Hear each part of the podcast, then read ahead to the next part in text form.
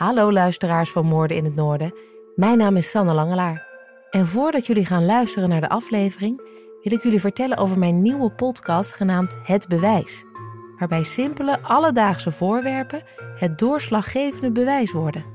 Zo vertel ik hoe een ladder de sleutel wordt in een ontvoeringszaak, een nagelvel op een hele onconventionele manier wordt gebruikt om een moord te verhullen en hoe een verdachte kan worden gelinkt aan een moord door een nieuwe zoom in zijn korte broek. Luister Het Bewijs iedere dinsdag in al je favoriete podcast-apps. Moorden in het Noorden, aflevering 9. Sterven op afdeling 26. De patiënten in het Zweedse ziekenhuis Malmö-Östra sterven bij de vleet. Binnen drie maanden doen zich op afdeling 26 bijna 30 onverklaarbare sterfgevallen voor. Het personeel vermoedt dat er een virus rondwaart. Alle overledenen hebben vreemde, rode strepen rondom de mond. Tijdens de autopsies worden er sporen gevonden die wijzen op een keelontsteking. Maar niemand heeft echt een idee wat er aan de hand zou kunnen zijn. Totdat de moordenaar op heterdaad wordt betrapt. Het is 1978 en de grootste seriemoordenaar die Zweden ooit gekend heeft, gaat ongestoord zijn gang in het ziekenhuis van Malmö. In een ongekend tempo maakt hij tientallen slachtoffers.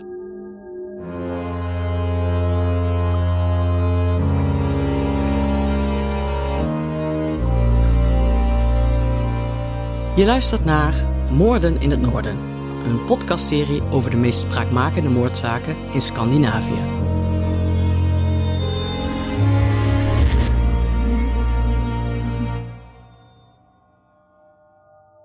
Ons verslag van deze zaken is gebaseerd op bronnen die zich in het publieke domein bevinden, zoals interviews, persberichten en rechtbankverslagen.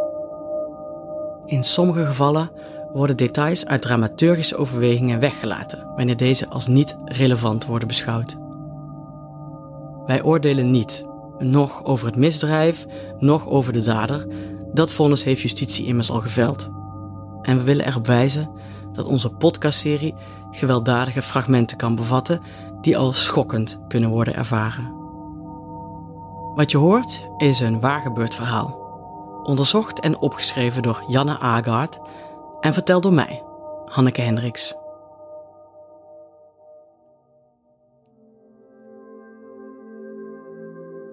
In de zomer van 2016 is heel Denemarken in shock.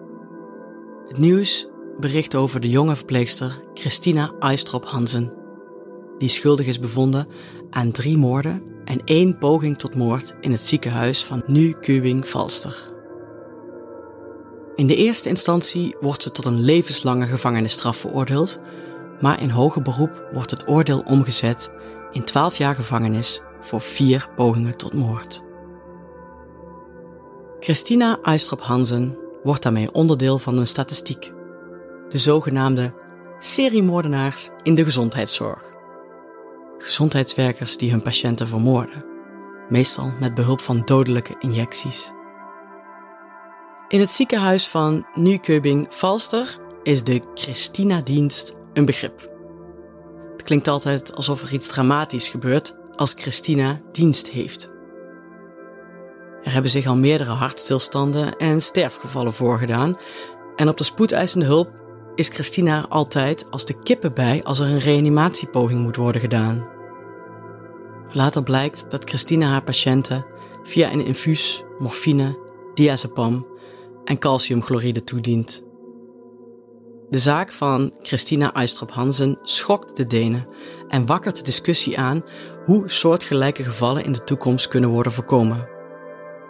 Hoe verhinder je dat iemand werkzaam in de gezondheidszorg de mensen doodt die hij of zij eigenlijk hoort te beschermen? Het is niet de eerste seriemoordenaar die ooit in een Scandinavisch ziekenhuis rondliep. Er is nog een andere zaak bekend uit 1978. Die van de 18-jarige verpleger Anders Hanson.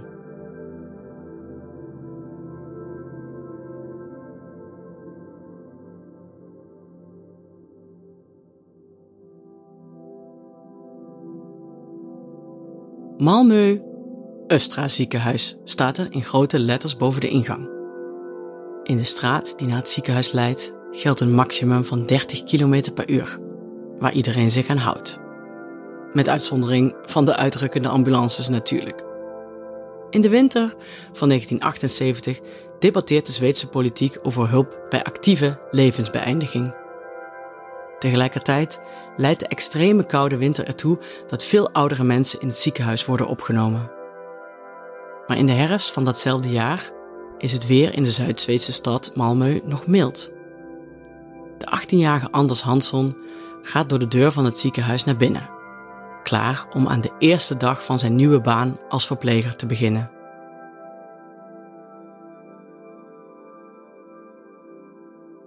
Hij wordt ingedeeld op afdeling 26. Een afdeling waar oudere patiënten met dementie voor langere tijd worden opgenomen. Maar met Anders komst wordt het verblijf van vele patiënten aanzienlijk verkort. Ondanks dat hij zo jong is, heeft hij al veel ervaring als verpleger. Op zijn cv staat te lezen dat hij al zes maanden op een soortgelijke afdeling heeft gewerkt in het ziekenhuis van Vernum. In de zomer werkte hij bovendien op de verpleegafdeling van het ziekenhuis in Segevangsgerden, waar hij al eerder stage liep. Op geen van deze plekken waren zijn collega's echt enthousiast over hem. Zijn leidinggevende in het ziekenhuis in Segevangsgerden noemde hem passief. En Anders kreeg van hem dan ook geen aanbeveling. Maar Anders voelt zich fijn in het gezelschap van oudere mensen als baby werd hij ter adoptie opgegeven en zijn beide grootmoeders waren zijn rots in de branding tijdens een verder nogal eenzame jeugd.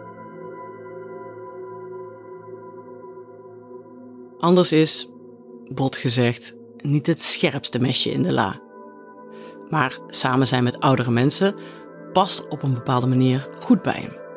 De iets wat simpele en eenzame jongen heeft iets gevonden waar hij in excelleert iets wat hij leuk vindt om te doen.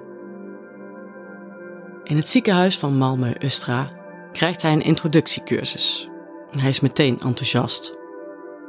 Op 5 oktober begint hij zijn dienst op de afdeling en een paar dagen later beleeft hij zijn vuurdoop. Een van de patiënten is in ademnood. Er is water of speeksel in de luchtpijp gekomen. Doelgericht loopt Anders de kamer uit en haalt hulp. Een verpleegster stabiliseert de man en Anders krijgt complimenten van zijn collega's. Een paar dagen later gebeurt precies hetzelfde bij een andere patiënt. Maar Anders is weer van de partij, slaat alarm, haalt hulp. En de patiënt overleeft. Drie weken later valt het volgende voor. De blinde, 66-jarige voormalig ingenieur Karl Erik wordt opgenomen in het ziekenhuis met een tropische ziekte. Na enkele weken op de verpleegafdeling verbetert zijn toestand. Hij mag binnenkort weer naar huis, om daar verder te herstellen. Maar een paar dagen voordat hij uit het ziekenhuis wordt ontslagen, brengt Anders hem op zijn kamer een glaasje vruchtensap. Karl Erik drinkt het niets vermoedend op. Hij weet niet dat Anders het sap met schoonmaakmiddel heeft vermengd. Anders wacht in spanning af. Maar met de blinde patiënt gebeurt niets. Later, tijdens zijn proces, vertelt Anders dat hij teleurgesteld was. Dat er helemaal niets gebeurde toen Carl Erik het sap dronk. Hij had het etiket van een test betreffende schoonmaakmiddel nauwkeurig doorgelezen om er zeker van te zijn dat het giftig was en dat inname ervan dodelijke gevolgen kon hebben. Hij had verwacht zijn eerste sterfgeval mee te maken. Het gaat om het schoonmaakmiddel Gevisol, dat toen de tijd veelvuldig in het ziekenhuis werd gebruikt. Desinfecteert en bevat een sterk bacteriedodend middel, maar ook alcohol, zout, chloor en het extreem giftige fenol. Minder dan een gram kan dodelijk zijn. De dag erna serveert Anders zijn patiënt Carl Erik opnieuw een levensgevaarlijke cocktail. Dit keer heeft hij er nog meer schoonmaakmiddel in gedaan. De reactie laat niet lang op zich wachten. Carl Erik hoest heftig, komt in ademnood en sterft een paar uur later. Het schoonmaakmiddel zorgt voor brandwonden in de keel, een verhoogde slijmproductie en voor apneu. Als de dosis hoog genoeg is, leidt het tot een vrede en pijnlijke dood. In medische terminologie wordt dit fenolvergiftiging genoemd.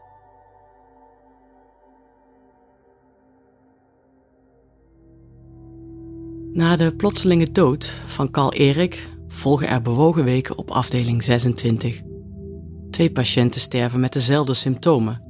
Twee anderen overleven, maar moeten behandeld worden wegens vreemde plekken bij hun mond en in hun keel. Verwondingen in en rondom de mond komen vaker voor bij de chronisch zieke patiënten op deze afdeling. Hoewel meerdere overledenen soortgelijke rode strepen en plekken rondom de mond vertonen, die veel weg hebben van brandwonden, maken de artsen zich nog geen zorgen. Maar steeds meer patiënten op de afdeling komen te overlijden. De zeldzame symptomen worden de ziekte van 26 genoemd. De toestand van de patiënten ontwikkelt zich van schijnbaar vitaal en aanspreekbaar naar van pijn vertrokken en met schuim rond de mond.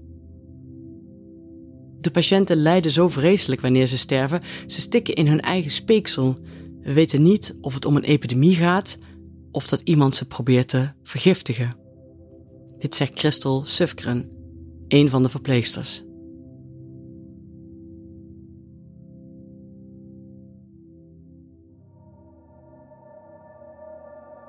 Onverschrokken blijft Anders doorwerken op de afdeling, hoewel zijn collega's niet bepaald van hem gecharmeerd zijn. Het is lastig om met hem samen te werken. En een van zijn collega's noemt hem zelfs incompetent en dom. Op de afdeling geeft men anders alleen maar eenvoudige taken, zoals afwassen en het ophalen of afgeven van benodigdheden, zodat hij niet per ongeluk een patiënt kan verwonden. Daarom vermoedt ook niemand dat anders iets te maken heeft met de sterfgevallen op afdeling 26. Tegen de tijd dat hij anderhalve maand op de afdeling werkt, zijn er al vijf patiënten aan dezelfde zeldzame symptomen overleden. Eind oktober 1978 gaat verpleegster Christel Sufkren de kamer van de 74-jarige Iris binnen. Iris zegt dat een man een scherpe vloeistof in haar mond gegoten heeft. Christel is ongerust en vraagt haar hoe die man eruit zag. De patiënte beschrijft vervolgens een jonge, redelijk kleine man met een bril. De enige man die op dat tijdstip dienst heeft, is anders. Bezorgd vertelt Christel de hoofdarts wat haar patiënte Iris haar verteld heeft. De hoofdarts neemt het verhaal echter niet serieus. Er is een groot tekort aan medewerkers. Vier voltijdsplekken zijn vakant en veel van de verplegers hebben niet de juiste opleiding. Afdeling 26 is een nachtmerrie en niemand houdt het echt lang vol.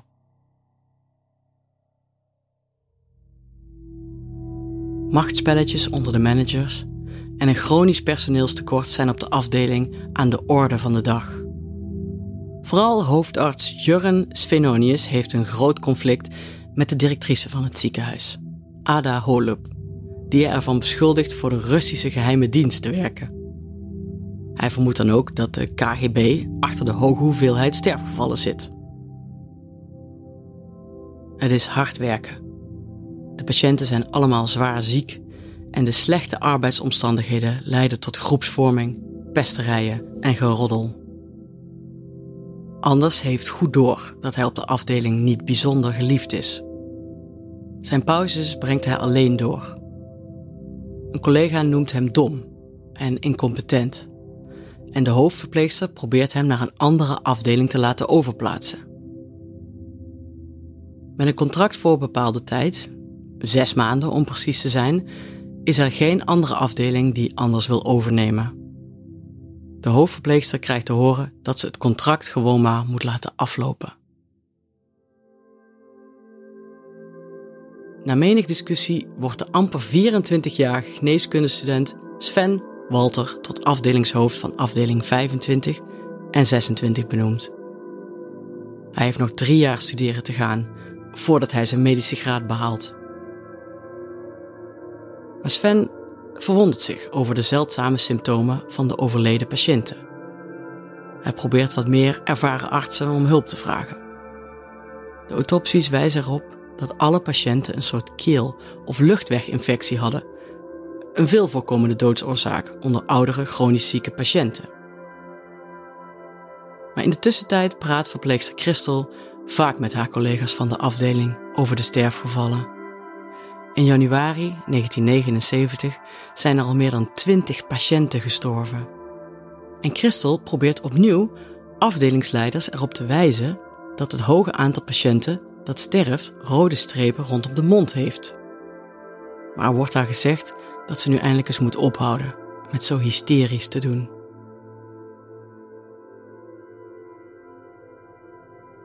Op dezelfde dag dat Christel door haar leidinggevende terechtgewezen wordt, sluipt Anders de kamer van patiënte Iris binnen en geeft haar een extra sterke cocktail van vruchtensap en Gevisol. De dag erop sterft ze. En de dag daarop overlijdt er nog iemand, een patiënt die Johan heet. Anders probeert nu één patiënt per dag te vermoorden. Pas bij slachtoffer 28 wordt hij gepakt.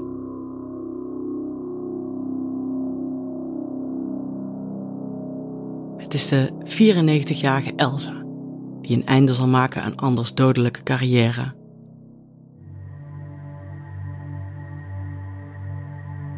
12 januari dient haar het giftige mengsel van sap en schoonmaakmiddel toe. Ze spuugt het uit en roept: Wat geef jij mij? Ik wil het niet, het brandt. Een verpleger hoort haar schreeuwen en haast zich naar haar kamer. Hij treft Anders aan. Die staat in de hoek, met een bange uitdrukking op zijn gezicht. Hij blijft maar herhalen: Ik heb niets gedaan, ik heb niets gedaan.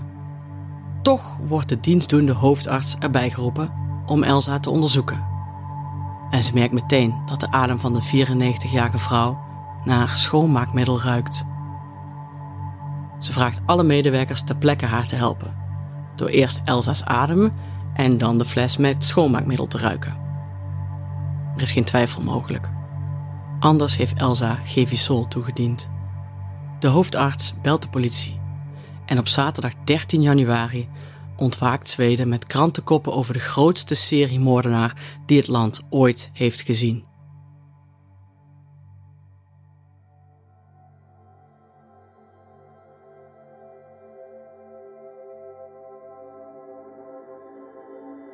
De enige foto die er van Anders Hansson bestaat, is van achteren genomen. Hij is op weg naar een gebouw, onder begeleiding van politieagenten in Burger. Anders heeft halflang donkerblond haar.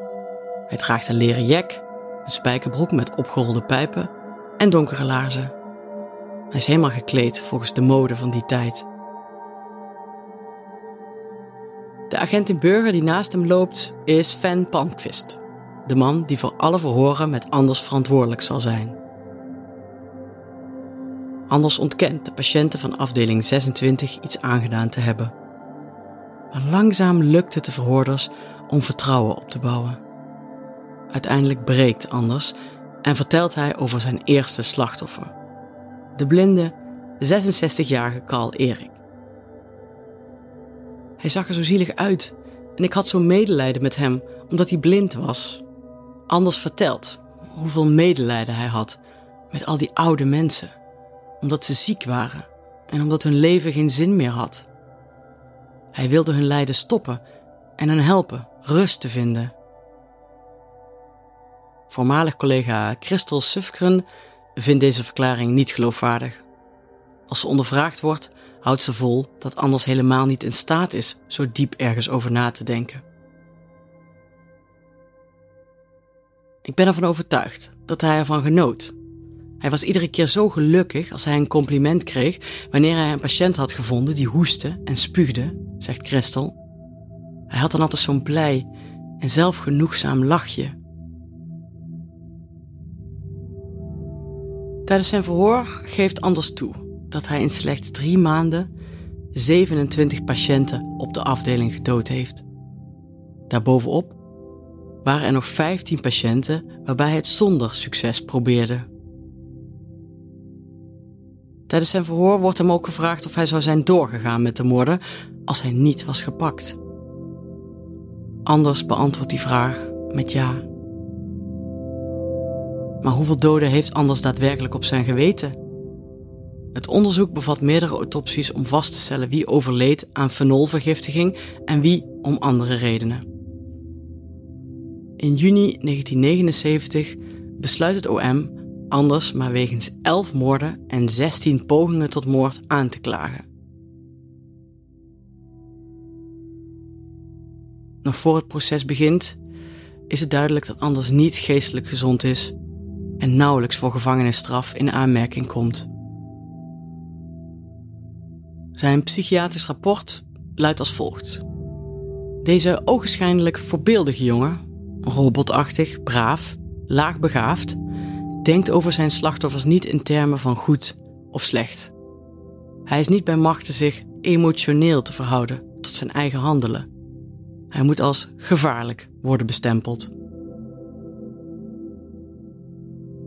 De zaak wordt behandeld voor de rechtbank in Malmö. Er getuigt onder meer een hoogleraar psychologie die met de inmiddels 19-jarige Anders gesprekken heeft gevoerd om zijn toerekeningsvatbaarheid te beoordelen.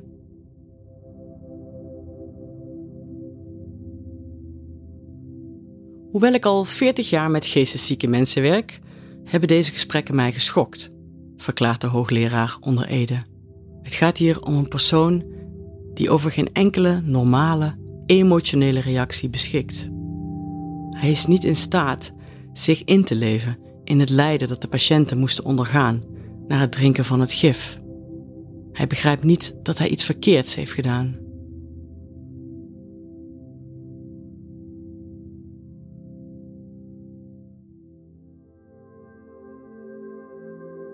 Op 28 augustus 1979 wordt Anders veroordeeld tot detentie in een gesloten psychiatrische instelling in de Zweedse stad Lund. Hier zit hij 14 jaar van zijn straf uit, totdat hij in 1993 wordt vrijgelaten. De tengere jongen in spijkerbroek blijkt te zijn veranderd in een forse, kalende man. Zo wordt hij in 2005 door de Zweedse krant Aftonbladet gefotografeerd. Op dat moment is hij al 12 jaar op vrije voeten. Hij werkt in een fabriek en leeft volgens de letter van de wet. Over de zaak wil hij niets kwijt. Ik heb het achter me gelaten, zegt hij. En ik denk er nooit meer aan.